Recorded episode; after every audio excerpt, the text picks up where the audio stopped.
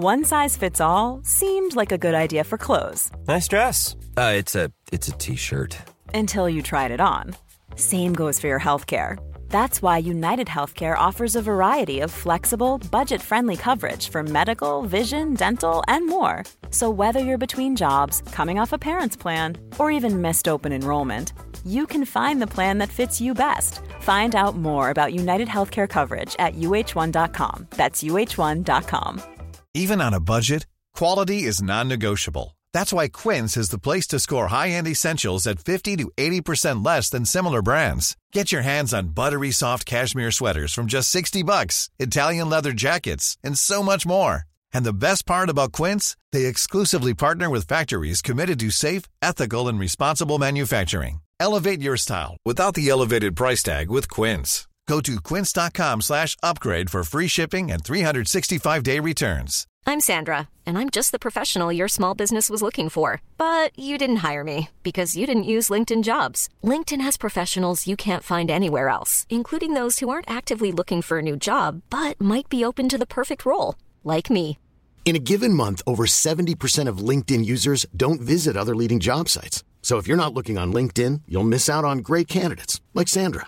Start hiring professionals like a professional. Post your free job on linkedin.com/people slash people today.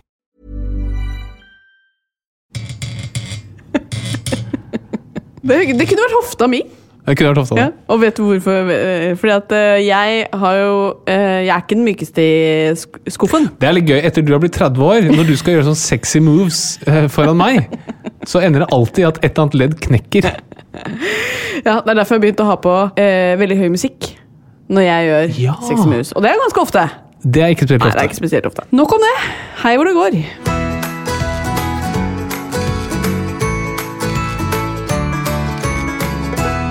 Hei, og så hyggelig at akkurat du hører på Åpen journal. Tusen takk.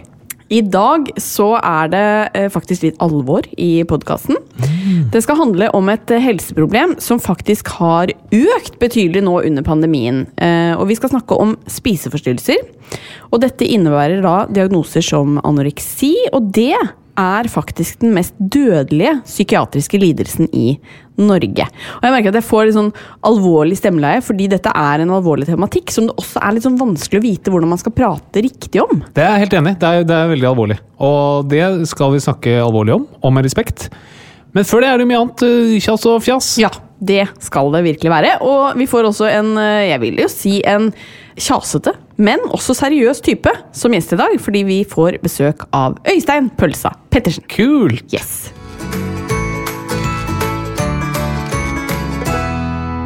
Hei, Harald. Hei på deg. Jeg føler jo at eh, du, du har så mye å gjøre om dagen at jeg nesten ikke ser deg, så det er veldig hyggelig å få litt tid her i podkasten med deg. Likeså. Veldig hyggelig å få være her. Ja, det er, Jeg har jo ganske mye tid til deg. Det har du. Ja, men det er ikke så gjensidig. Nei, mye som skjer. Det er mye og som i tillegg Ja. har jeg de siste ukene hatt et økt angstnivå. Fordi den derre slangen til han derre Paradise er det, Hva heter han? Nei, Ex on the Beach, Adrian, Adrian. Selvold. Ja, Ja. Han mister slangen sin. Ja, men dette må vi snakke om, fordi at eh, jeg er helt enig. Jeg, jeg, jeg sa det vel senest i går, at det er noe jeg tenker på ganske ofte. Ja. For vi så han på God morgen Norge. Mm. Hva forteller han der? Han har en slange. Hadde Han, ja, ikke sant? Det er hele problemet her. Han hadde en slange. Ja. Eller han, ja? Og så har han mista den. Den er, altså, han bare kom hjem en dag, og så var den borte. Ja, for greia var at han, han bor på Carl Berner. Jeg har jo merket meg hvor han bor. Eh, han bor heldigvis ikke på Holmen. Eh, fordi han forteller Jeg tror han har vært på 71 grader nord, var det han reiste til. Og der er man ganske lenge borte også, potensielt. Eh, og så sa han liksom at Og så kommer jeg hjem, og så Jeg bare finner ikke slangen. Som at det er sånn lættis. Ja, Det er ikke lættis. Det er ikke lættis. Og det jeg ikke skjønner, er at ikke dette har blitt en større sak på Carl Berner. Fordi jeg hadde jo fader meg ikke gått og lagt meg om kvelden og tenkt at eh, enten så er den slangen nå kommet opp gjennom røra, eller så gjør den det akkurat idet jeg skal Ja. sitte og tisse. Er det én ting du ikke vil ha i røret, så er det slangen taler Adrian. Men apropos fascinerende typer, så har jo vi en uh, meget fascinerende type i heimen om dagen. Ja, Ja. ja. vi bygger- pusser opp kjelleren. Ja. Og der kom vi over masse spreke folk. Og nå er det Valeris som er nedi i Han er rørlegger. Og han er jo en veldig fascinerende type. Han har flette i skjegget. Ja, Alle som har flette i skjegget, det, de får ekstra, litt ekstra kudos fra meg. Ja, det er enig. Eh, Lang hestehale. Vanskelig å få munnbind til å sitte på han Ja. pga. det skjegget. Men han er en um, fascinerende type, ja. Ja, han er veldig hyggelig, og han, eh, på fredag var jo han hos oss til klokka ni på kvelden, tror jeg, og styrer og ordner og det som er, på kvelden. Eh, og så spurte jo du om han ville ha noe å drikke. Ja, så du, Valer- eh, Valeris, nå er det fredag og litt seint, og kan jeg by deg noe å drikke, liksom? Jeg, jeg bød, hadde bydd det før, og sa nei, Harald, eh, jeg vil ikke ha noe å drikke. Og så sier jeg ja, men du kan få jeg har hva som helst, liksom. eh, Melk og brus, og kan få en liten øl og sånn. Så sier Harald, det eneste jeg drikker, er melk fra ko. Ja, men det har jeg. Det har jeg liksom Ja, ja, eh, oppi liksom. kjøleskapet. Jeg må ha rett, rett fra ko. Men tuller han? Jeg drikker bare vann og melk rett fra ko. Og så jeg, men du, du får ikke kjøpt det. Og så jeg bor ved Kongsvinger. Det er mange jorder, mange ko. Der får jeg melk fra ko. Jeg ser for meg at han på vei til jobb svinger innom et jorde og bare Legger seg ned. Ja, men nei, du får jo de bildene i hodet. bare. Absolutt. Han er jo uh, Høres ut som en sånn Game of Thrones-figur, egentlig. Valeris. Ja. Som milk. Det var veldig bra. Han er en flink rørlegger. All kred han trenger en flink rørlegger, så ville jeg uh, kontaktet Valeris. Ja, han hadde fem av fem stjerner på Hva heter det? Ditt Ja. Men eh, Er vi ferdig med slangen til Adrian? Blir man noen gang ferdig med slangen til Adrian? Man gjør kanskje ikke det. Nei, men uh, Da har du mer å si, så må du gjerne si det. Nei, altså det du gjør? Når, Hvis du har folk er på rømmen, Mm. så det man alltid gjør, er man setter opp et kart, og så tar man sist uh, sette sted. Ja. Markerer det på kartet, og så må du se hvor fort kan en slange bevege Ja. Mm. seg. Kanskje en slange kan bevege seg 10 km i timen. Og så må du gange det med antall timer den har vært borte. Da. da ser du radiusen den kan være oh, i. Og da, den, han, den kan være på Holmen, teoretisk sett. Sannsynligheten for at den går inn akkurat hos oss, er jo liten. Det er jeg helt enig i. Ja. Men eh, apropos det, så ser jo vi også en eh, Apropos på rømmen, så ser jo vi en eh, serie nå som heter Your Honor. Mm. Og der er det jo en som gjør noe veldig kriminelt, eh, men som prøver å skjule det. Og det tenker jeg på ganske ofte, fordi noen ganger så drømmer Nå skal jeg snakke om drømmene mine. Er Det det, er sånn- Det er greit. Det er kjedelige. Det, så det er greit, plutselig. Nå syns jeg alle som hører på, med mindre du er ettersøkt for noe, da. Det er jo sikkert noen som hører på som er det. Eh, Det er garantert noen som hører på som er det. Men jeg er ikke ettersøkt, tror jeg. I hvert fall nå. Nå skal vi bare ta ett sekund og nyte at vi ikke er ettersøkt for noe. Altså, vi er ikke på flukt fra noe. Ja, Der har vi nytte. Okay. ok. Var ikke det fint? Det var et fantastisk øyeblikk. Til ettertanke. Um, denne uka så er det min tur da, til å pleie forholdet. Ja! Ja! Og da, apropos slanger Så har jeg tenkt at forrige uke Basert på det du har sagt til nå, aner jeg at innholdet blir ørlite grann tynt. Jeg sier ikke at det blir tynt, men det er mulig det blir litt likt forrige uke. Um, fordi eh, da ga jo du meg poeng på ulike områder. Ja, Raust sådan. Og denne uken så skal jeg gi deg poeng tilbake. Jeg skal innrømme at jeg har ikke hatt mye Eller jeg har hatt mye tid faktisk til å tenke på dette, men jeg har ikke kommet med, opp med noe gøyere. Jeg synes Det var så bra det du gjorde. Så nå skal, jeg, nå skal jeg ta eierskap til dette. Jeg kommer nå til å lese opp ulike områder og gi deg poeng i løpet av siste uka hvor flink du har vært. da. Mm. Kan ikke bare klippe inn dette segmentet fra forrige ukes Jo, men det har jo skjedd en endring. Oh, ja, det er jo poenget. at Jeg okay, kommer sikkert med noen morsomme historier fra uka som har vært. Du måler på de samme parameterne, og så sier han det har vært noen endring siste uka? Ja, Oi, spennende. ja så det er jo faktisk spennende.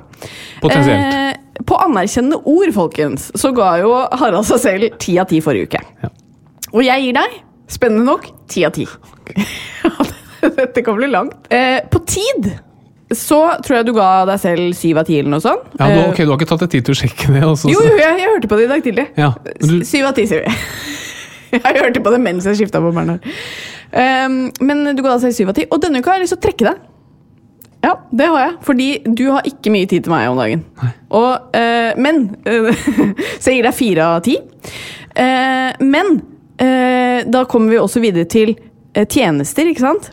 Hvor jeg egentlig da vil gi deg ti av ti, så det veier opp for tiden du setter av. Fordi du gjør så mye for oss nå med å ta ansvar for oppussing og sånn. Det er klart at dette kunne du og jeg tatt til middag i kveld, og på en måte ikke plaga våre lyttere med. Men jeg syns det er en fin øvelse for folk som hører på. At de kan eh, si at ok, kommende uke så skal du skrive ned ting jeg gjør for deg, og så omvendt. Og så kan man gå gjennom det, da. Fysisk kontakt og nærhet denne uka. ja, Så får du faktisk veldig dårlig, fordi du har flytta inn på eget soverom. det er helt riktig. Ja, fordi jeg ammer jo fortsatt på natta, og da er jo min gave til deg, så jeg får ti av ti på gaver, at du At du får sove godt om natta. Ja. Så kom jeg tilbake til dette med gaver. Eh, og det leder meg inn på hva du skal få meg denne uken. Oi! Fordi eh, til valentine så fikk jo jeg en eh, treretters middag av deg som du skulle lage. Jeg skulle få ta et bad i den grinete timen, hvor Bernhard liksom er litt grinete før legging. Så eh, i morgen, eh, skatten min, så skal du få det som jeg liker å kalle Haralds dag. Oi. Ja. Du skal rett og slett, når du er ferdig med jobb, eh, bare legge deg rett på sofaen. Få lov til å game. Og så skal jeg servere middag, og jeg skal være din server hele kvelden. Fram til klokken tolv. Da gidder jeg ikke mer. Og da skal du ha igjen alt du har gitt? Okay. Men eh, var ikke det hyggelig? Det var veldig hyggelig. Ja. Det høres ut som en- noen som prøvde å kjøpe seg ut av at hun ikke har forberedt eh, denne spalten. Og kjøper du ut ved å gi meg en dag? Jeg, jeg tar den. Ja, men Hadde jeg vært enda lurere, så hadde jeg gitt deg en reise. Det er jo det man bør gi når man ikke har tenkt gjennom noe. og Ja, men jeg er sånn- for smart til å gå på Ja, jeg vet det. Men det, Men det er bare- fantastisk, da. Haralds dag. Ja. Er det noe av det samme som biff og blowjob-dagen? Nei. Absolutt ikke. Så det var egentlig min gave til deg, og min oppsummering av deg denne uka. Takk. Neste uke er det deg igjen. Det gleder jeg meg til. Så lurte jeg på, er det noe sånn lyden av Bernhard denne uka her, eller har du skrinlagt det? Det er klart det er lyd... Hvorfor jeg Nei, skrinlagt jeg vet lyden ikke. av Det er jo noen som kanskje syns det er litt kjedelig. Da kommer vi til den delen som alle har gledet seg mest til, spesielt Halvard Flatland. Og det er På kornet med Bernhard. Ja. Og denne ukens pod har vi et alvorlig tema. Spiseforstyrrelser, anoreksi, bulimi etc. Um, og det er litt i den tråden der at, uh, at uh, Bernhard sa noe veldig fint. da. Fordi hver kveld så bader vi Bernhard. Mm. Da er han helt naken. Og før vi legger han i badet, så holder vi han hver kveld foran speilet. Hvor han liksom får se på seg selv, og vi sier at så fin fyr du er. Eh, og nå er han jo faktisk blitt veldig godt polstret. Det vil jeg si. Um, godt med underhudsfett på den eh, kroppen der. Fantastisk at det ser helt altså, Ja, helt nydelig. fineste i verden. Så når vi skulle bade han her om dagen, så var han liksom ekstra det var sånn ekstra synlig at han var god og rund. Og i tillegg så hadde han helt sånn bæsj rundt ballerne. Og så- så litt sånn, eh, det, var, det var et begredelig syn, da. Og så holdt vi han opp foran speilet, og da så han på seg selv. Og så sa han Og så smilte han! Ja. Og var så stolt av kroppen sin! Ja, det er fantastisk. Og det syns jeg vi alle kan lære av. Og tenk så mye energi man bruker på å ikke være fornøyd med seg sjøl. Den kroppen her, den skal vi ha i hele livet vårt, så det er lurt å bli venn med den. Og det syns jeg Bernhard har starta bra med. Helt enig. Vi har også med oss vår faste sponsor denne uken, og det er eh, Boots apotek. Og akkurat som oss, så er de opptatt av å gi gode råd og tips. Det er helt riktig, og hvis du tar turen innom et Boots apotek, så kan du være sikker på at du får hjelp av dyktige farmasøyter og autorisert helsepersonell som hjelper deg å finne løsninger på dine helseutfordringer.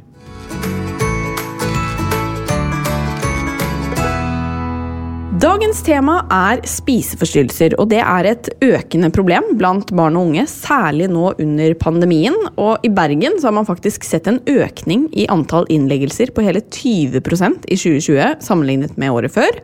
Og i Oslo så sier man nå at behandlingssentrene er rett og slett helt ute av kontroll. De klarer ikke å møte behovet.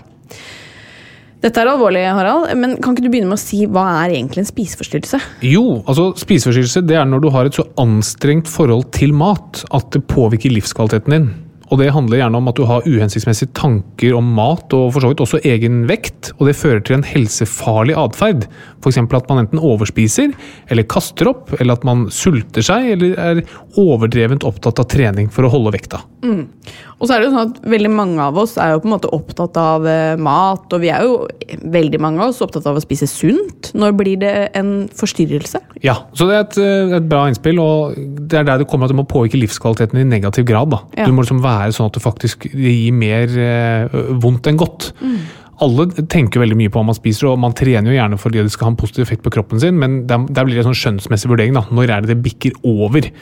Og ikke sant, De vanligste spiseforstyrrelsene er anoreksi og bulimi og overspisingslidelse. Skal snakke litt mer om de ulike senere, så da skjønner man litt mer om hva som ligger diagnostisk i det. Men det er som med all annen psykiatri, at det er en glidende overgang fra hva som vi kaller normalt, til det som begynner å bli unormalt. Da. Men f.eks. anoreksi, som er den mest alvorlige, så er det også et krav om at du må ha en veldig lav kroppsvekt. Det, er, det er en del av diagnosen. da. Men jeg skal komme tilbake til, men, men alle er opptatt av det, man trener og man er opptatt av hva man spiser, men hvis det blir sånn så at du blir så sykelig opptatt av det, at du får nedsatt livskvalitet, da kaller vi det en sykdom. Og så er det kanskje ikke alltid at man klarer å se det selv. Ikke sant? Dette med at det gir så redusert livskvalitet, eller at det er så inngripende i hverdagen. da. Det er kanskje noen ganger lettere for andre å se. Det er riktig, og så er spørsmålet hvis du selv ikke har noe problem med det, er det da riktig å få en diagnose? Så det er, det er ganske vanskelig, men det som er helt sikkert, det er veldig mange som har dette her, og ganske mange av de som hører på dette, vil også ha dette her.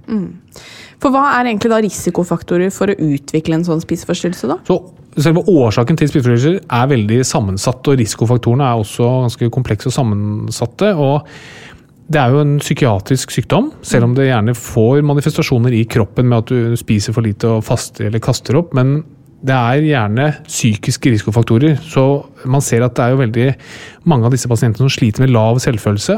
At man har en perfeksjonistisk holdning, at ting skal være veldig perfeksjonistisk. Og at du lett lar deg påvirke av folk utenfra. Og så ser vi også at påvirkning fra massemedia, med en slags idolisering av syltynne kropper, også kan være en risikofaktor og hvis vært utsatt for traumer eller overgrep i, i barndommen. Mm. Og eh, han, eh, Finn Skårderud, psykiater, veldig flink fyr, han sier at alvorlige spiseforstyrrelser er et uttrykk for dyp psykisk smerte. Mm. Det er et eller annet uh, i forkant her som manifesterer seg som en spiseforstyrrelse. Mm. Og så har vi jo da sett uh, at nå under pandemien så uh, har flere barne- og ungdomspsykiatriske avdelinger opplevd større pågang med spiseforstyrrelser enn på lenge. Hvorfor er det slik at uh, problemet kanskje er verre nå enn før? Altså, det blir jo ren gjetning fra min side, dette her, men problemet ved spiseforstyrrelser er at du har et overdrevent fokus på mat og trening og kroppsvekt og kroppsform. Og det siste året har vi jo vært veldig mye mer hjemme. Det har vært mye mindre annet å ha fokus på. Og I tillegg så har man jo hatt mindre støtte i hverandre og i sosiale nettverk. Og det tror jeg nok har vært bidragsytende hvert fall, til at det har vært mer av det nå i året som har vært.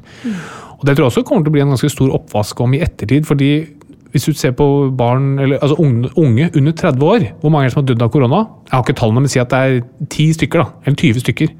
Det er veldig få. Mens hvis du får en veldig økning i antall spiseforstyrrelser, som er veldig dødelig, så vil flere dø av spiseforstyrrelser pga. restriksjoner ved korona enn som har dødd av koronasykdommen. Mm. Og Det tror jeg ikke man har god nok oversikt over, og det vil man nok se i ettertid. At her har faktisk kost, kostnaden vært ekstremt høy. Mm. For å hindre spredning av en sykdom som ikke er farlig for unge, så øker du dødeligheten av andre sykdommer hos unge. Ja. ja, ikke sant? Fordi nå snakker vi om spiseforstyrrelser, men det vil jo være veldig mange andre ting også som kan spille inn her. Altså ja, og på... selvmordsraten har økt mm. uh, blant uh, mange. Mm. Som, sannsynligvis som et resultat av restriksjonene man har innført. Mm. Og det, altså Alle vet jo det, at det er selvfølgelig nedsidige restriksjoner, men når du gjør opp totalregnestykket her, mm. så tror jeg det kan bli ganske stygt. da. Ikke sant. Og det, det som er på en måte litt vanskelig med Eh, å snakke om spiseforstyrrelser, er jo at det er jo ikke alltid bare maten som er problemet. Uh, det handler jo også litt om uh, ofte å ha et ønske om kontroll. Ja, altså Maten i seg selv er jo ikke kallet problem. Problemet er jo gjerne i hodet, da, altså mm. psykisk. og det som er ofte med pasienter med spiseforstyrrelser, er at de, de føler at de mangler kontroll i livet. Og Det er til og med noen som har foreslått å omdøpe spiseforstyrrelser til sosialt kaos-syndrom. Altså Som illustrerer litt dette med hva man mener med kontroll. At det er så mye utenfor en selv som du ikke kan kontrollere. Når du har en spiseforstyrrelse, så er du ekstremt opptatt av kontroll. For det er ting som er veldig lett å kontrollere. Det er veldig lett å kontrollere matinntaket sitt. Det er relativt lett å kontrollere vekten sin. Relativt lett å kontrollere treningsmengden. Og da kan man se det på litt som en måte å kompensere at man mangler kontroll andre steder. Mm. Eh, og vi har jo flere forskjellige typer, ikke sant? Du nevnte de innledningsvis. Kan du ikke begynne med å forklare anoreksi? Jo, så Det medisinske navnet på anoreksi er anoreksia nervosa. Og an, det betyr motsatt av, eh, eller nektende. Og orexis betyr appetitt. Så det er som det motsatte av appetitt, eller altså nektende appetitt. da. Og nervosa betyr bare nervøs. Og anoreksi det er en forstyrrelse først og fremst av selvbildet. Hvor man ser på seg selv som overvektig, selv om man er normal eller til og med undervektig. da. Og det fører til en ekstrem slanking og spisevegring. og er assosiert med en, andre, en, del andre psykiske sykdommer, som mindreverdighetsfølelse, og angst og tvangstanker. Mm. Er det en grense for når man liksom sier at du har anoreksi i forhold til vekt? Ja, altså, um, Man har sånne diagnostiske kriterier. da, og ja. er ikke, De er ikke hugget i stein, det er basert på mange ting. Men, men, i de diagnostiske kriteriene så er kroppsvekt en del av det. Og den skal sånn definisjonsmessig være en BMI på under 17,5 mm. som er veldig lavt. da, altså Normal BMI er sånn ca. mellom 20 og 25. Og det må være selvpåført. Altså Hvis du har en kreftsykdom som gjør at du blir slank, så er er ikke det anoreksi. Men, men, det er en del av um, tingene. Har du BMI på under 17,5, det er veldig veldig lavt. Mm. Det i kombinasjonen at du snakker med en pasient som er veldig tynn, og som sier at du, jeg, jeg er jo helt åpenbart tjukk og jeg liker å trene spise, da skjønner du at man har anoreksi. Mm. Samtidig som du ikke må kanskje ha BMI under det for at man skal si at det er anoreksi? Nei, det kan du si. Altså, hvis du har ekstremt mange tanker og føler deg veldig overvektig og har en BMI på 18, for eksempel, mm. så vil det også gå, falle under diagnosen. Ja, for det, grunnen til at jeg på en måte dveler ved det, er at jeg tenker at det er jo noen nå som eh, hører på, som opplever problemer med mat eh, og matinntak, og som da sikkert tenker at nei, men jeg har BMI på 19, da. Så da er all good, kanskje. Mm. Yes, ja. Det vil vi jo helst ikke at folk skal på en måte tenke. Ikke sant? Det, det er et veldig bra innspill, og der tror jeg man bare må prøve å liksom, se seg selv litt utenfra. og Bare se sånn, er det sånn at de tankene jeg har om min egen kropp, matinntak, kalori, at jeg, om jeg føler overvektig, er det, er det negativt for meg? Er det sånn at dette, jeg, jeg går og tenker så mye på det at det gir meg redusert livskvalitet? Hvis svaret på det er ja, da vil jeg gått og oppsøkt hjelp. Og så har vi bulimi. Ja, Bulimi det kommer av ordene buos, som betyr okse, og limos, bulimi, som betyr sult. da. Så det betyr egentlig oksesult. Og det- bulimi det jeg kjente at du sliter med Du klarer ikke å kontrollere deg rundt mat. Og du har episoder med overspising. Samtidig som du er veldig opptatt av å holde kroppsvekten. Så det betyr altså at man spiser veldig, veldig mye, og så har man ting man gjør for å holde vekten. Da. Og det kan f.eks. være at man faster, altså ikke spiser, eller å kaste opp, som er den klassiske stereotypiske bulimipasienten, eller ved veldig mye bruk av avføringsmidler eller f.eks. vanndrivende medisiner. Da. Og eh, det som er spesielt med bulimi, er at de er vanligvis normalvektige. Du ser ikke på noen at de har eh, bulimi. Og eh, det er en del vanligere enn eh, anoreksi, eh, og ikke like dødelig som anoreksi. Nei. Og så tror jeg det er vel også sånn at man kan jo på en måte eh, noen ganger eh, også ha en sånn glidende overgang til, fra én spiseforstyrrelse til en annen. Ja, absolutt. Altså, det er jo ganske mange av de samme mekanismene som spiller inn her, og en del anoreksi eh, som forløp starter med bulimi. da. Starter med overspising, og så blir du ekstremt opptatt av at det ikke skal gå utover vekten, og så går det, kan det gå over i en anoreksidiagnose. Men en tredje spiseforstyrrelse er jo da overspising. Ja, og her, her har du bare overspising. Altså at du har sånne anfall med hvor du bare spiser veldig, veldig mye mat uten at du har noe atferd som korrigerer for det. Du er ikke så opptatt av liksom, å holde på vekten. da. Eh, og det kan da selvfølgelig føre til at man blir veldig overvektig. Og så er det jo sånn at spiseforstyrrelser generelt ser man en klart større forekomst av hos jenter, men det er også utbredt hos gutter. Ja, det er det, men det er definitivt en overhyppighet blant jenter. Og én ting kan selvfølgelig være at det er kanskje lettere å se og måle hos uh, jenter, men jeg tror nok også at det er veldig mye mer vanlig hos jenter med dette her. Og det er nok mange grunner til det, og ikke minst eh, kanskje kulturelle grunner. da. Men det er jo veldig vanskelig eh, å vite hvordan man skal tilnærme seg noen med spiseforstyrrelser. Så eh, hvis vi først kan ta eh, råd til de rundt, da, som kanskje tenker at oi, jeg tror en jeg kjenner kan ha problemer med dette. Hva er dine råd til de? Så det er veldig vanskelig, også fordi motivasjonen til bedring mangler ganske ofte hos disse pasientene. Um, og det er litt viktig å vite litt om bakgrunnen, som vi har snakket om. altså Dette som går med, med lav selvfølelse. at det er, det, er ofte en viktig trigger til å få til dette. ikke? Jeg føler meg, eh, Hvis vi snakker om anoreksi, føler meg tykk. Nå må jeg slanke meg for å bli tynn og fin. Og Da oppstår også et dilemma. ikke sant? Fordi skal du da si til noen at de ser bra ut for å styrke selvfølelsen, men da kanskje forsterke liksom deres inntrykk av at det er den lave vekten som, eh, som gjør at de får komplimenter. Og det, det kan være ganske vanskelig. Men jeg tror det er viktig å være støttende og være ærlig. Og så bare komme og si sånn Du, jeg, jeg ser at du sliter. Jeg, jeg ser at du er, liksom, har en, en usunn holdning til mat, eller ser at du er ekstremt tynn, og jeg, jeg ønsker å hjelpe deg. Er det noe jeg kan gjøre for deg? Um, og selvfølgelig ikke komme med sånne quick fix-løsninger som sier at uh, du må spise mer eller du er veldig tynn. Det er, tror jeg er veldig, veldig kontraproduktivt. da. Men dette med å være åpen og bare være helt ærlig. bare sånn, du, Jeg syns dette er vanskelig, jeg vet ikke hva jeg skal gjøre. Jeg bare, jeg bare ser at jeg, du har det vondt eller har det vanskelig eller at du er fryktelig tynn. Hva er det jeg kan, hva er det jeg kan gjøre for deg? Og, og spørre hvordan har du det egentlig? Ja, det er det man trenger. Du trenger Du Ja. noen å støtte deg på å snakke med. og sånn. Og husk at selv profesjonelle terapeuter og psykiatere sliter jo veldig med å få disse pasientene friske. Så det er ikke det at du skal Jeg tror ikke du vært så veldig redd Nei. for hva man kan si gærent. da. Bare som være der, være en støttende person. Og jeg tror veldig mange, og det, Vi så jo det på medisinstudiet her i Oslo også, at det er jo ganske overhyppighet av for å være veldig stereotypisk, sånn perfeksjonistiske, flinke jenter som trener veldig masse. Veldig lett at det bikker over en uh, spiseforstyrrelse.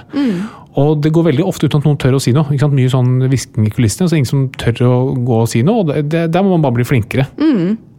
Ja, for man er jo redd for å på en måte si noe feil, da, eller trigge noen på feil måte. Kan man gjøre det, eller er det noe man skal være spesielt forsiktig med å si, f.eks.? Altså Det man kan være litt forsiktig med, det er det at hvis man, hvis man opplever at sin lave altså Hvis man har anoreksi, for eksempel, og man opplever at folk er veldig fascinert av denne lave vekten altså folk, å, du er så utrolig tynn og må spise mer, så kan det være sånn selvforsterkende at de, at de ønsker den oppmerksomheten knyttet til den lave vekten. da. Ja.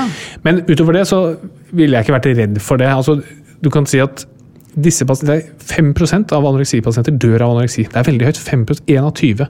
Så de har et forferdelig dårlig utgangspunkt. Og det er alltid bra for, for oss rundt, fordi da kan det ikke gå verre. Er du med på det? Ja. Så jo verre utgangspunktet er, jo bedre er det. For det er, det er vanskelig å trå feil. Så bare ikke, ikke, jeg vil ikke vært redd. Heller bare gått på sånn Hei, er det noe jeg kan gjøre for deg? Ser du sliter? Eh, eller liksom, ser du sliter, så kan du si men du, jeg, ser- jeg ser du er veldig veldig tynn. Jeg ser du liksom på mat. Er det liksom noe jeg kan gjøre for deg? Jeg vil være en venn for deg. Er det noe vi kan snakke med? Skal vi sammen booke en time hos fastlegen? Kan jeg snakke med foreldrene dine? Altså Bare et eller annet. Bare sett den døra litt på gløtt. Det er det aller viktigste. Gjør noe. Ja, og det er jo, øh, gjelder jo selvfølgelig de som kanskje hører på nå og tenker at dette er litt sånn treffende for meg. Jeg lurer på om kanskje jeg har et problematisk forhold til mat. Hva er dine råd til dem? Jeg tror jeg bare gått til fastlegen. Og bare, også der. Eh, jeg tror man skal være så opptatt av å si noe riktig eller liksom ha planer om hva man skal si. Bare bukk en time, eller snakk med en psykolog eller en venn. eller sånn. Du, jeg vil bare si at jeg, jeg tror kanskje at jeg har litt problemer med mat og vekt. For jeg, jeg føler meg alltid litt for tykk og prøver hele tiden å med meg. Og det, det, sånn vil jeg ikke ha det. Kan du hjelpe meg? Ja, Og så finner man ut noe sammen. Men hvordan behandler man egentlig disse spiseforstyrrelsene? Så det er psykoterapi. Det er, vi har ikke noen medisiner, dessverre. Så det er liksom samtaleterapi og atferdsterapi, og det er, det er behandlingsløp som går over veldig, veldig lang tid. Og så kan man selvfølgelig behandle ledsagende plager. da. Så Hvis du er benskjør eller får i deg for lite mat, eller er at du er plaget av angst og depresjon, som også gjerne henger veldig tett knyttet til disse spi- spiseforstyrrelsene, så kan du behandle det. Men for selve spiseforstyrrelsen så er det da psykoterapi som gjelder. Blir man helt frisk? Mange gjør dessverre ikke det. Og det er som du har sagt at anoreksi er eh, psykiatriens mest dødelige sykdom. Og en viktig grunn til det er selvmord. da. At altså, Folk som tar livet syns det er så vanskelig at de velger å avslutte livet. Og hvis Det er liksom forskjellige studier som er gjort, da, men man ser, hvis du ser på en eh, anoreksipasient statistisk sett over ti år, så vil kanskje opptil en halvpart bli helt frisk da, fra, fra anoreksi. Så eh, halvparten vil da ikke bli frisk i løpet av en tiårsperiode. Det er litt bedre ved bulimi. Da vil ca. 70 bli friske i løpet av ti år. Da. Resten vil da ha vedvarende symptomer eller andre psykiske lidelser. Men hvis du ser på studier som har gått over lengre tid, sånn 20-25 år, da vil hele to tredjedeler bli friske. Så det er veldig bra. Så det er også derfor liksom, hva kan man gjøre rundt. Jeg tror man skal ikke nødvendigvis gå inn for at hva kan jeg gjøre for å få deg helt frisk. Altså Det må selvfølgelig være målet, men at man heller kan si hva kan jeg gjøre for at din livskvalitet skal bli så bra som mulig? Hva er det jeg kan gjøre for deg for at du skal ha det så bra som mulig? Uten at man trenger å føle at man har gjort noe feil hvis ikke man blir kvitt anoreksien sin. Men sant, det er mye vonde tanker knyttet til dette her, det er veldig mye lidelse. så bare alle trenger bare en venn eller en å prate med. eller Kan vi snakke sammen en, en gang i uka? eller kan vi gå en tur sammen og bare prate? Det vil jo hjelpe uansett hva du har. Av om det er anoreksi eller kreft eller altså, Det er jo helt fantastisk å bare ha noen som bryr seg om deg. Ja, så dette er en oppfordring til, um, til dere som eh, bryr dere om noen, som dere lurer på om har det litt vanskelig. Ta kontakt. Still et spørsmål. Hvordan har du det? Eh, ta rådene som du har sagt, Harald. Det kan jo på en måte ikke gå så mye verre. Det kan ikke skade å spørre. Hvis du nå eh, sitter og tenker at du gjerne skulle pratet med noen om eh, dette med mat eller spiseforstyrrelser, eh, eller du bare trenger litt hjelp, så oppfordrer vi veldig sterkt til at du tar kontakt med noen, eh, enten det er fastlegen din, helsesøster eller en venn eller mamma eller pappa. Eh, men vi opplever jo at en del sender oss meldinger på åpen journalkonto på Instagram. Det setter vi veldig stor pris på, men det kommer inn så mye at vi rekker ikke å lese alle meldinger alltid. Eh, Og derfor vil jeg bare oppfordre dere til at eh, dersom det er noe rundt denne tematikken som dere trenger hjelp til, så ikke ta kontakt med oss der. For jeg er så redd for at vi skal gå glipp av noen og ikke få hjulpet dere. Jep. Og husk det også at Instagram er ikke en sikker kanal. Så alt av sensitive opplysninger, som i praksis betyr alt som handler om din helse, ikke er eh, noe som egner seg for Instagram. Og så fins det hjelp å få. Ta kontakt med fastlegen din, helsesøster, en venn. Eller så fins det også ulike foreninger, f.eks. Spiseforstyrrelsesforeningen, som man kan ta kontakt med og få råd og hjelp. Yes. Og det er alltid folk, selv om du innledet med å si at man opplever mye pågang på disse stedene, det er alltid hjelp å få. Absolutt. Det skal ikke være skremselspropaganda for å, å, å føle at eh, da skal i hvert fall ikke jeg få hjelp, for jeg har ikke et så stort problem. Nei. Her er det rom for alle.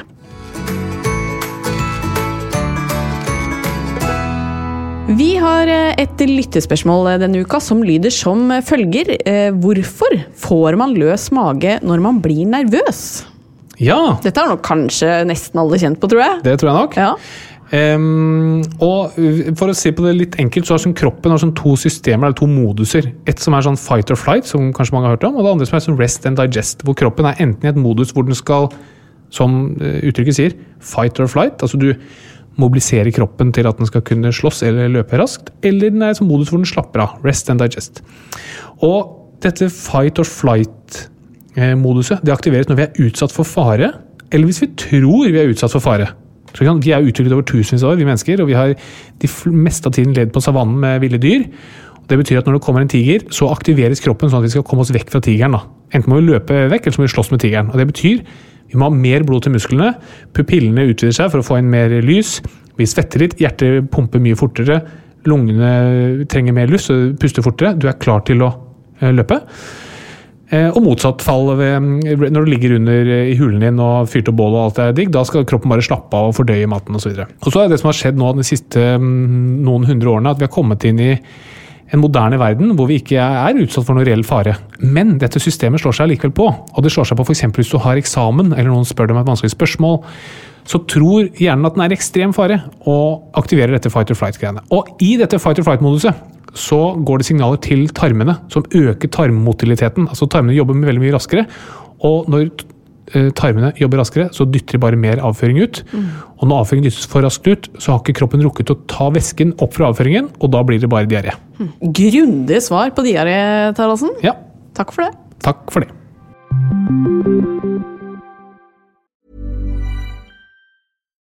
Here's a cool fact a crocodile can't stick out its tongue. Another cool fact you can get short term health insurance for a month or just under a year in some states. United Healthcare short term insurance plans are designed for people who are between jobs, coming off their parents' plan, or turning a side hustle into a full time gig. Underwritten by Golden Rule Insurance Company, they offer flexible, budget friendly coverage with access to a nationwide network of doctors and hospitals. Get more cool facts about United Healthcare short term plans at uh1.com. Quality sleep is essential. That's why the Sleep Number Smart Bed is designed for your ever evolving sleep needs. Need a bed that's firmer or softer on either side? Helps you sleep at a comfortable temperature? Sleep Number Smart Beds let you individualize your comfort so you sleep better together. JD Power ranks Sleep Number number 1 in customer satisfaction with mattresses purchased in-store. And now, save 50% on the Sleep Number limited edition Smart Bed for a limited time. For JD Power 2023 award information, visit jdpower.com/awards. Only at a Sleep Number store or sleepnumber.com. Hey, it's Ryan Reynolds, and I'm here with Keith, co star of my upcoming film, If, only in theaters, May 17th. Do you want to tell people the big news?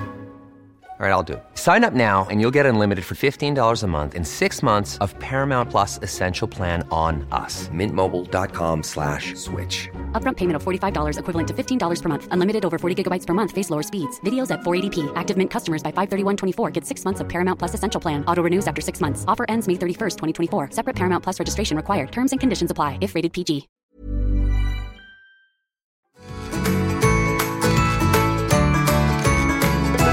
Øystein Pettersen er vant til å prestere som langrennsløper, og nå så bruker han store deler av tiden sin til å hjelpe andre på å rett og slett eh, få ut det beste i seg selv. Vi gleder oss til en liten økt med selvhjelpskurs. Vi nå, Øystein, velkommen! Ja, takk. Jeg gleda meg til å komme helt til den. Altså, det er jo, er jo ikke mulig for meg til å overraske positivt. Det er kun muligheter til å skuffe. Det er sånn, det, det være nei og nei. Men eh, jeg tenkte på intro, ikke sant? Du jobber med å få det beste ut av folk. Som kirurg har jeg jobbet med å få det verste ut av folk. Det er jo et eh, Ja. liten morsom introduksjon. Veldig kreativt. Kreftsvulster eller ting de har stappet opp i diverse kroppsåpninger. ja, ja, Så vi, vi har men- jo begge det er drevet jo- med å få ting ut av folk, men Ja. det har vært litt forskjellig hva det har vært. Men, men, eh, men effekten er positiv for alle. Det er helt riktig. Så, og jeg vil jo uh, være så ærlig å si jeg tror at du har redda flere liv enn meg.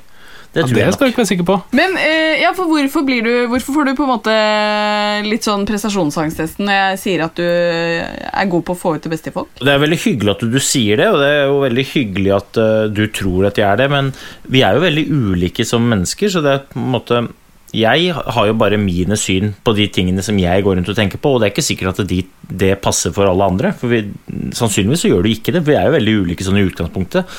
Eh, Så det er derfor jeg eh, blir litt sånn nervøs når du sier det. Men, men jeg er ikke noe mer utrygg på det jeg står for av den grunn. Altså. Så det er jo mer effekten på hva de som hører på, og jeg, den kan jeg ikke styre. Nei, ikke sant. Nei, for jeg eh, har jo gjort litt research i forkant av det her, da, og du, du er jo eh, en motivator på høyt nivå, vil jeg jo si.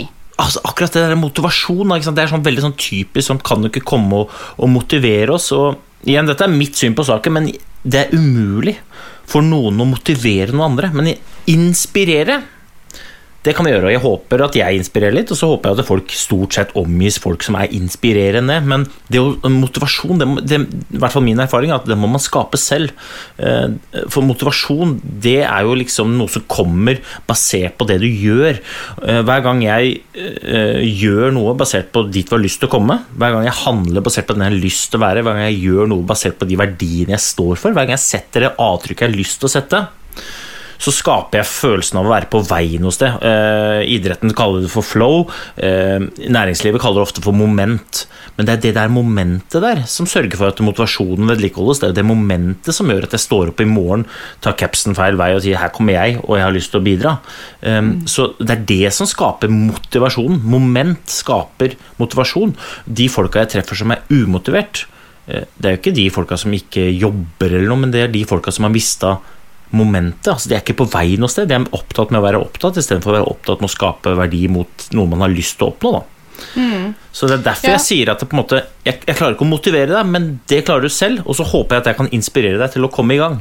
Ja, for det, eh, det, er det jeg håper vi skal få litt sånn hjelp til i dag. Fordi Harald har jo ekstremt mye å gjøre om dagen. Og jeg vet at du har liksom snakket litt om det der at det er så viktig å ikke bare ha uh, mye å gjøre som man skal gjennom, men at som du sier, man skal et sted. Da. Og hvordan skal på en måte skal uh, Harald og andre liksom klare å skille de to? Hvordan vet man egentlig at man er på vei et sted når man har sjukt mye å gjøre? Ja, altså Det er jo et veldig vanskelig spørsmål. Jeg kan jo ikke svare på vegne av Harald, men eh, hvis jeg og Harald hadde jobba sammen, så hadde jeg spurt om hva som er målet til Harald. Og så ja. handler det om å konkretisere hva som skal til for å flytte Harald fra der hvor han er, til dit han har lyst til å komme. Eh, og, og, det å ha mye å gjøre, det kan være motiverende så lenge det du gjør, bringer deg nærmere dit du har lyst til å komme. Men veldig mange ender jo opp med å gjøre mye som ikke betyr noe for en, og som ikke er direkte korrelert eller relatert til målet. Og da mm. blir man bare sliten. Ehm, jeg kommer fra idrettsverden, og det kan godt eh, Det er mange ting med idrettsverden som ikke går an å måte direkte overføre til mannen i gata, det er et flåsete uttrykk, men ja. De folka jeg har truffet som har lykkes best, da, og ikke lykkes som i å vinne mest medaljer, men som i å få til det de har lyst til å få til, de er jo innmari gode på å øh, gjøre veldig mye av bitte litt. Og det bitte litt, det er det som skal til for å realisere det målet de har satt seg. Men de aller fleste, de gjør bitte litt av veldig mye. Og så går vi rundt og så er vi litt sånn usikre på hvorfor vi ikke er så motivert. Eh, og det skjønner jeg, for jeg blir heller ikke noe motivert når jeg er opptatt med å være opptatt og komme hjem av døra, føle meg som en våt ullsokk og er bare sliten. Mm. Men det virker som du er liksom veldig typen som uh, du vet hvor du skal, og hva du driver med. Uh, hva er liksom ditt mål om dagen, da? Hva er det du vil få til? Du, Det er flåsete. Jeg går rundt og så bærer på en drøm om å gjøre en forskjell. Jeg. Har lyst til å gjøre en positiv forskjell. Um, så det er målet mitt. Jeg slutta på ski fordi at ehm, Ikke fordi at jeg var lei av å gå på ski, men fordi at jeg hadde lyst til å gjøre ting som kunne gjøre større forskjell enn å fly rundt i skauen i tights med startnummer på, på brystet. Um, så det var derfor jeg slutta. Og så, og så, tenkte jeg ok, greit, hvordan jeg skal uh, gjøre en forskjell. Og jeg tror at jeg gjør størst forskjell gjennom å snakke med mennesker, gjennom å være sammen med mennesker. Være helt nedpå, være ganske transparent men være ganske tydelig på hva jeg mener skal til for å realisere det man har lyst til å få til.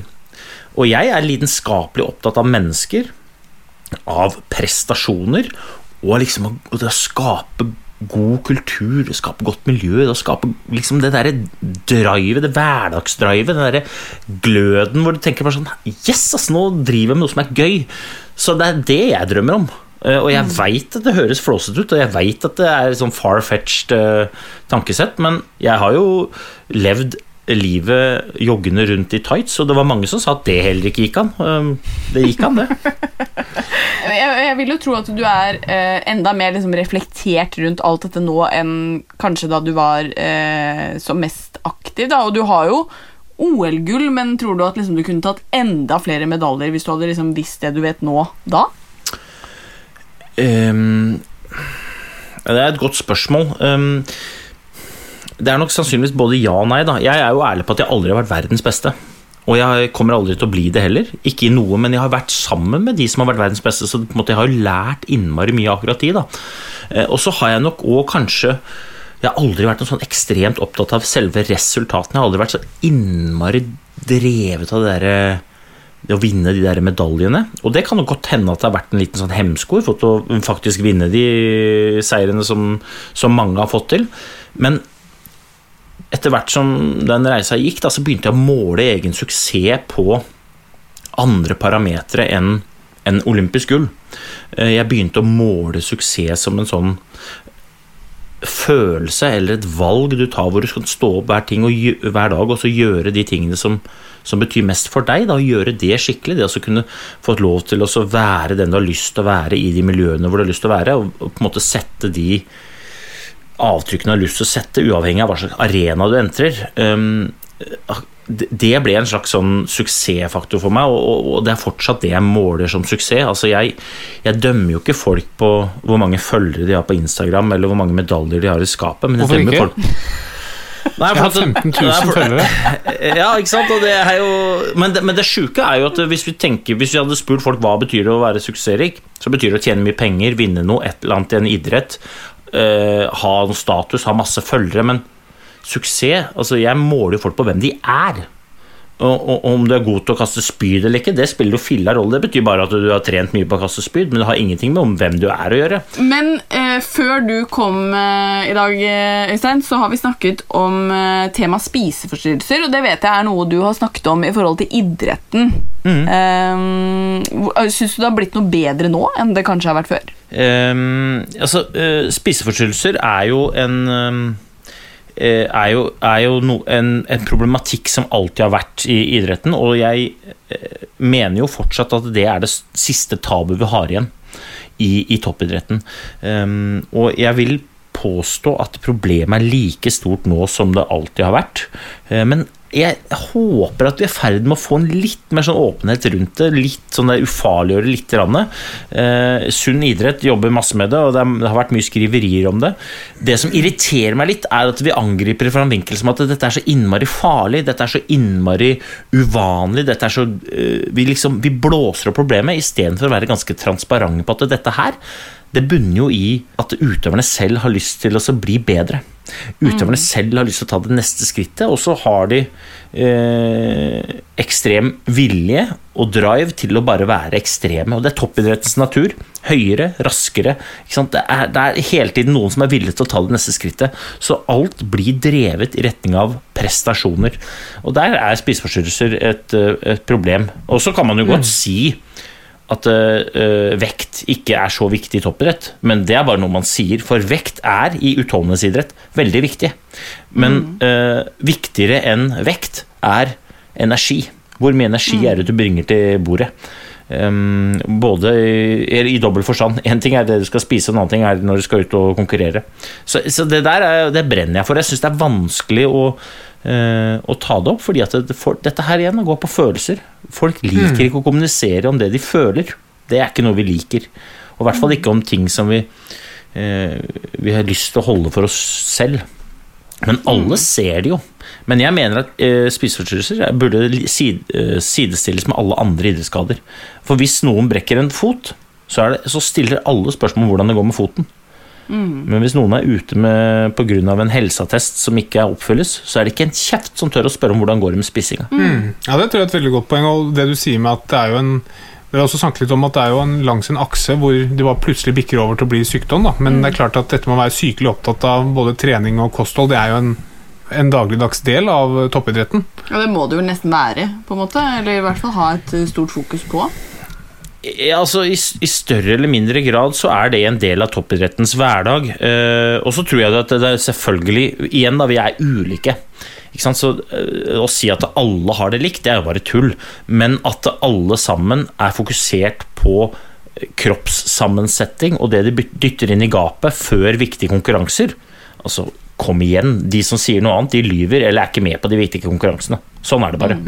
Og det er jo et, eh, et sånt uttrykk om den kvinnelige utøvers triade, som er eh, anoreksi og mm, altså dårlig bentetthet Mm. og manglende menstruasjon. Så det er ganske utbredt, og det er gjort studier også på Olympiatoppen som har sett på andelen kvinnelige toppidrettsutøvere som, som har det, og det er ganske høy andel. Og det er sikkert ganske høy andel blant gutta også, det er bare kanskje litt vanskeligere å se. Ja, Hvordan er det blant gutta, egentlig? Sånn innenfor idretten, tror du? Altså Nå er ikke jeg på innsida av eh, norsk toppidrett uh, lenger, uh, så det på en måte blir litt synsing. Men uh, gutta har en annen måte å takle det på enn jenter. Vi fleiper det bort. Nå generaliserer jeg veldig, men vi er mer sånn, litt sånn røffe i tonen. og Vi fleiper bort. Men alle som driver med kondisjonsidrett, er bevisst på egen vekt i forhold til prestasjon. Og, og, og, og noen av de sliter med det. Andre har et eh, profesjonelt forhold til det. Og, og det er uavhengig av kjønn. Jeg tror problemet er like stort hos gutter som hos jenter. Men hvordan er det når man legger opp, da? For at jeg tenker at uh, Man har liksom et så stort fokus på trening og mat og alt som er. Klarer man å på en måte bare eh, bli ferdig med det og gå over til å leve på en helt annen måte? Eh, Nå kan ikke jeg svare for noen andre enn meg selv, da. Eh, Og nå eh, putter jo du det inn i sånn, Eller det er ikke sikkert det er intensjonen din, men på meg så høres det ut som du putter inn en litt sånn negativ greie. Jeg er jo en idrettsgutt. Jeg trener hver eneste dag. Jeg storkoser meg. Jeg slutta på ski for jeg hadde lyst til å gjøre en større forskjell, men jeg går fortsatt masse på ski. Jeg går på ski hver dag. Smiler og koser meg. Drikker kakao. Spiser skolebrød. Noen ganger spiser jeg sunt, andre ganger spiser jeg usunt. Altså, det er så fint, så jeg har ikke noe vondt eh, å si om, eh, om det å slutte på idrett, men jeg tror historien er helt annerledes for de som slutter fordi at de må, eller fordi de blir tvunget pga. Skade, eller det ene eller andre. Jeg slutta bare fordi jeg gikk i mål i et skirenn i Nord-Finland tenkte jeg, fy søren, så gøy. Men hadde det ikke vært gøy å gjort noe forskjell, da? Jo, jeg, jeg gir meg. Og så går jeg fortsatt masse rundt på ski i skauen, men, eh, men nå har jeg helt annen, an, annen agenda med det. da. Men um, Du blir hvordan- ikke for positiv, da. Kona di blir liksom ikke sånn Kom igjen, Aystein, nå det, Dette kjøper jeg ikke, nå er du lei. Ja, der, er det jo, der drar du opp et tema som jeg får høre veldig ofte. Faen, du er så innmari positiv, Pølsa. Gidder du vel? Eh, og det er sånn Det Fra er jo kona eller folk generelt? Ja, det, nei, masse folk generelt. Kona hun ser jo, ser jo meg sånn som jeg egentlig er, så hun veit at jeg er en drittsekk, ikke sant. Eh, men, men jeg er jo Jeg er jo ikke naivt positiv. Jeg er mye mer opptatt av å tenke riktig enn å tenke positivt. Så hvis jeg står med eh, Står oppi ei tønne da, med drit opp til halsen, så er ikke jeg sånn som tenker ja, ja, det går over. Men da er jeg mer opptatt av å tenke riktig hva er det jeg kan gjøre for å komme meg ut av den tønna her og få, få meg en dusj, liksom. Så jeg, jeg, jeg prøver å validere situasjonen. Jeg ser på konteksten og jeg ser på omgivelsene rundt meg. Men så prøver jeg å trekke ut av essensen hva jeg kan gjøre for å komme ut av denne situasjonen eller arenaen sånn som jeg har lyst til å komme ut.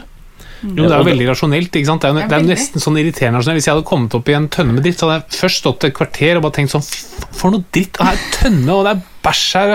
Hvor er dusjen, og det er ikke varmtvann, og altså, du står sånn. Og så hadde jeg gått ut. Ja, ja og da har du kasta vekk et kvarter. Jo, det skjønner jo jeg òg. Og, Men, men og, og brukt liksom masse energi på det. Men jeg tror jeg er miljøskada av Jeg jeg tror det igjen da, det er idretten som, som har lært meg de der mekanismene. Og forstå meg rett, jeg har, jeg har, jeg har stått der og banna sverta sjæl.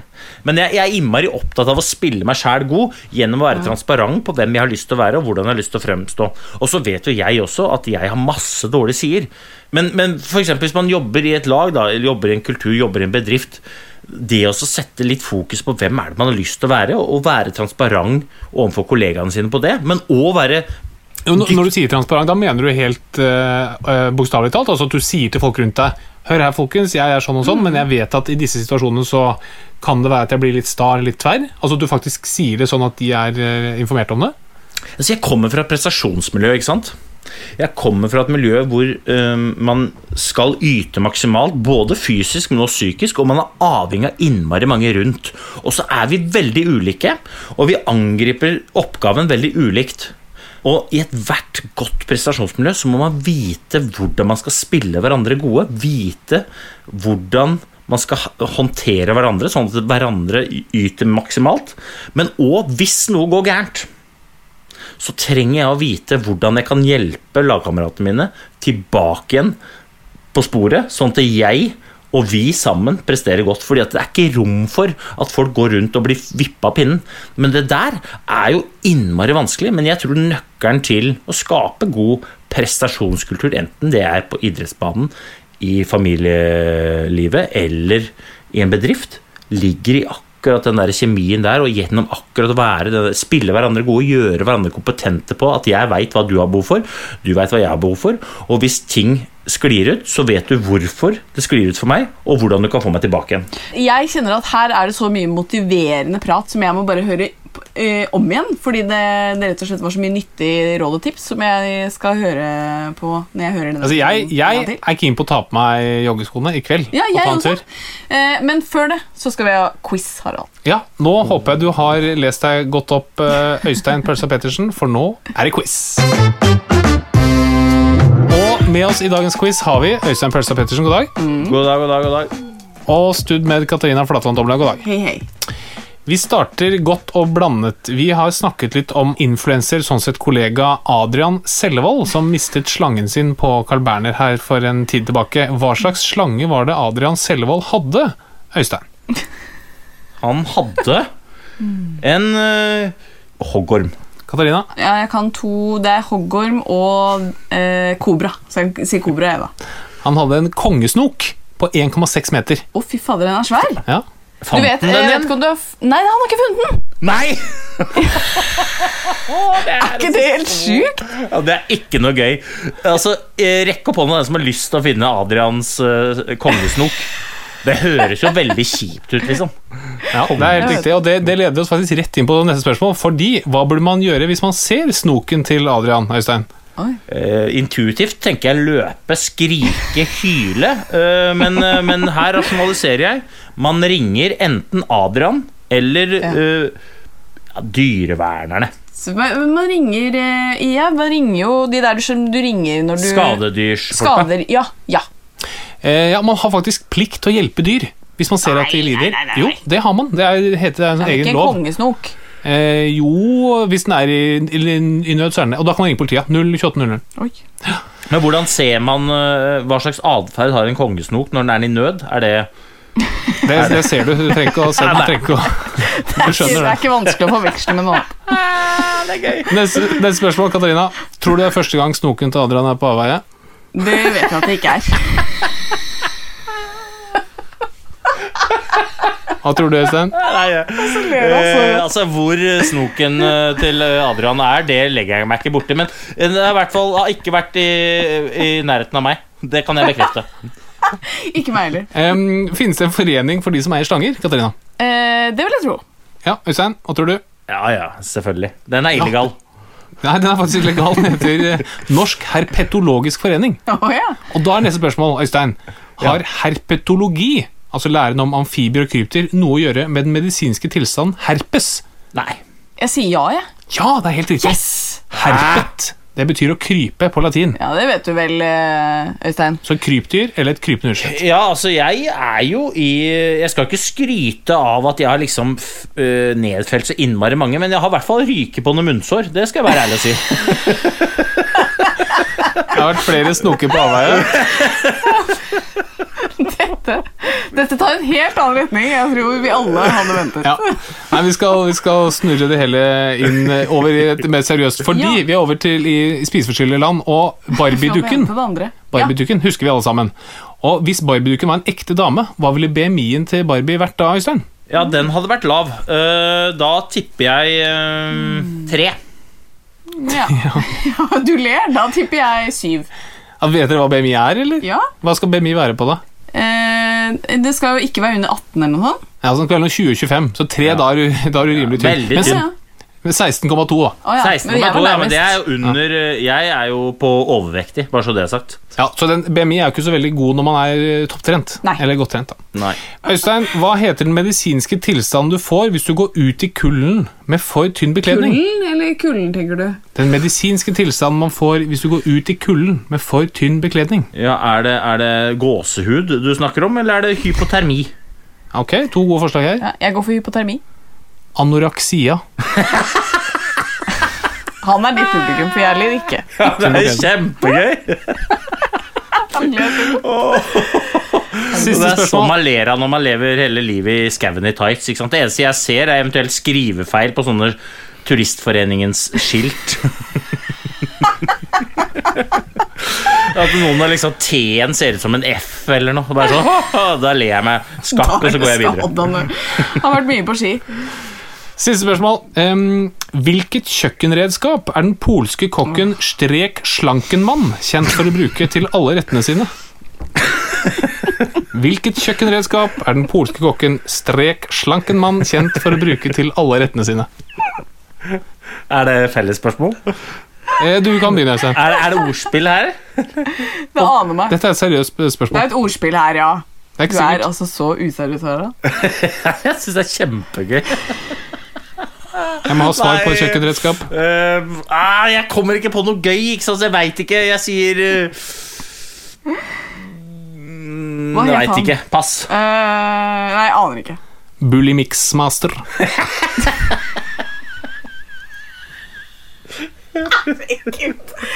Er det mulig? Nå har du sittet for lenge på det der kontoret, eh, Ja, altså- når du syns det der er så gøy. Nei, men jeg elsker sånn altså jeg, gikk jo, he- jeg var med på 71 grader nord. Jeg gikk hele turen jeg, og fortalte sånne helt sånne dølle vitser. Å, så grusomt. Ja, det var mange Dere som to på tur hadde jo vært uh, Det hadde vært grusomt. døden for alle andre. Ofte så var jeg så langt foran de andre at de ikke hørte de. Men da aner det meg at kanskje ikke jeg vant. Du vant ikke, du tapte som alltid. Og Øystein Pølsa Pettersen, gratulerer med nok en eh, seier. Ja, Det er lenge siden jeg har vunnet noe, så det er jo ålreit, det. Er det noe pokal, premie, noe Nei, men du er, ikke, du er ikke så opptatt av det, er du det? Du er jo Nei, opptatt av nei, på en måte nei. Jeg hadde en svær pokal her, men da du sa du ikke var så opptatt av det, så Jeg er opptatt av anerkjennelse. Er det noe anerkjennelse? Ja, ja, men det Det er det. Ja, jeg har jo grunnleggende prestasjonsbehov, og anerkjennelse er alltid gøy når man presterer. Og helt avslutningsvis så pleier vi alltid å spørre gjesten om du kan komme med et godt råd til vår relativt nyfødte sønn. Sånn at han skal bli en fin fyr som vokser opp til å bli ja, en klok og trivelig mann. da. Og det var et stort øh, spørsmål. Han er jo veldig liten, da, så foreløpig så ville jeg liksom bare sagt hold deg nærme mor og far. Eh, Ja, men øh, men det er jeg utover, glad for. utover det så uh, vil jeg si flåsete nok at uh, tør å drømme litt stort. Tør å drømme og ta eierskap til hva skal til for å nå de drømmene, og så begynne å gjøre. Veldig bra. Han kommer til å bli en han Tenk om han vinner OL-gull. Tenk det. Han skal bli influenser. Han skal først og fremst bli influenser. Ja, men, men igjen, da, så eh, Det viktigste er at den blir en bra fyr. Ikke sant? Ja, Det- helt det- det- et rasshøl som vinner et OL-gull, er ikke noe gøy. Nei, Så det, det er jo ikke. at uh, ikke vinner OL-gull, men blir et ordentlig bra fyr. Helt enig. Fins det noe OL-gren for rasshøl? Er det et eget eh, pro proktologisk OL? Du skal spørre Olaf Tufte. Jeg skal ringe deg og høre. Jeg tror det er roing. Må være roing i så er fall. Det er der han har vært med mange Nei, det er. Altså, nå kommer jeg til å få altså, Tenk deg det håndtrykket jeg får av Olaf Tufte. Han kommer til å slå meg rett ned. Jeg vet det, Og han er svær, du. Så det Men du er jo rett type til sånn, da. Ja, slag i trynet, ja. Mm, Ja. Litt smerter her. Burde ha på litt Hvorfor is. fikk jeg dette? Ja, da finner jeg litt dette? is. Litt rolig is. Da, Og Hvordan kan jeg unngå dette neste gang? Du, Øystein, dette har vært uh, kjempehyggelig. Uh, tusen hjertelig takk for at du tok deg tid. Uh, vi har lært masse, vi. Vi har det. Og er faktisk Nå er vi motiverte. Vi er, Ja. Du har Nei, det er inspirert, ikke- men det har ja. bidratt til indre motivasjon. Ja, ja, men det er hyggelig. ut, eh, Det er hyggelig. Nei, men Vi sier tusen hjertelig takk. Det var en glede å ha deg her, Stein. Vi er tilbake neste uke. Ha det! Ha det! Plan B.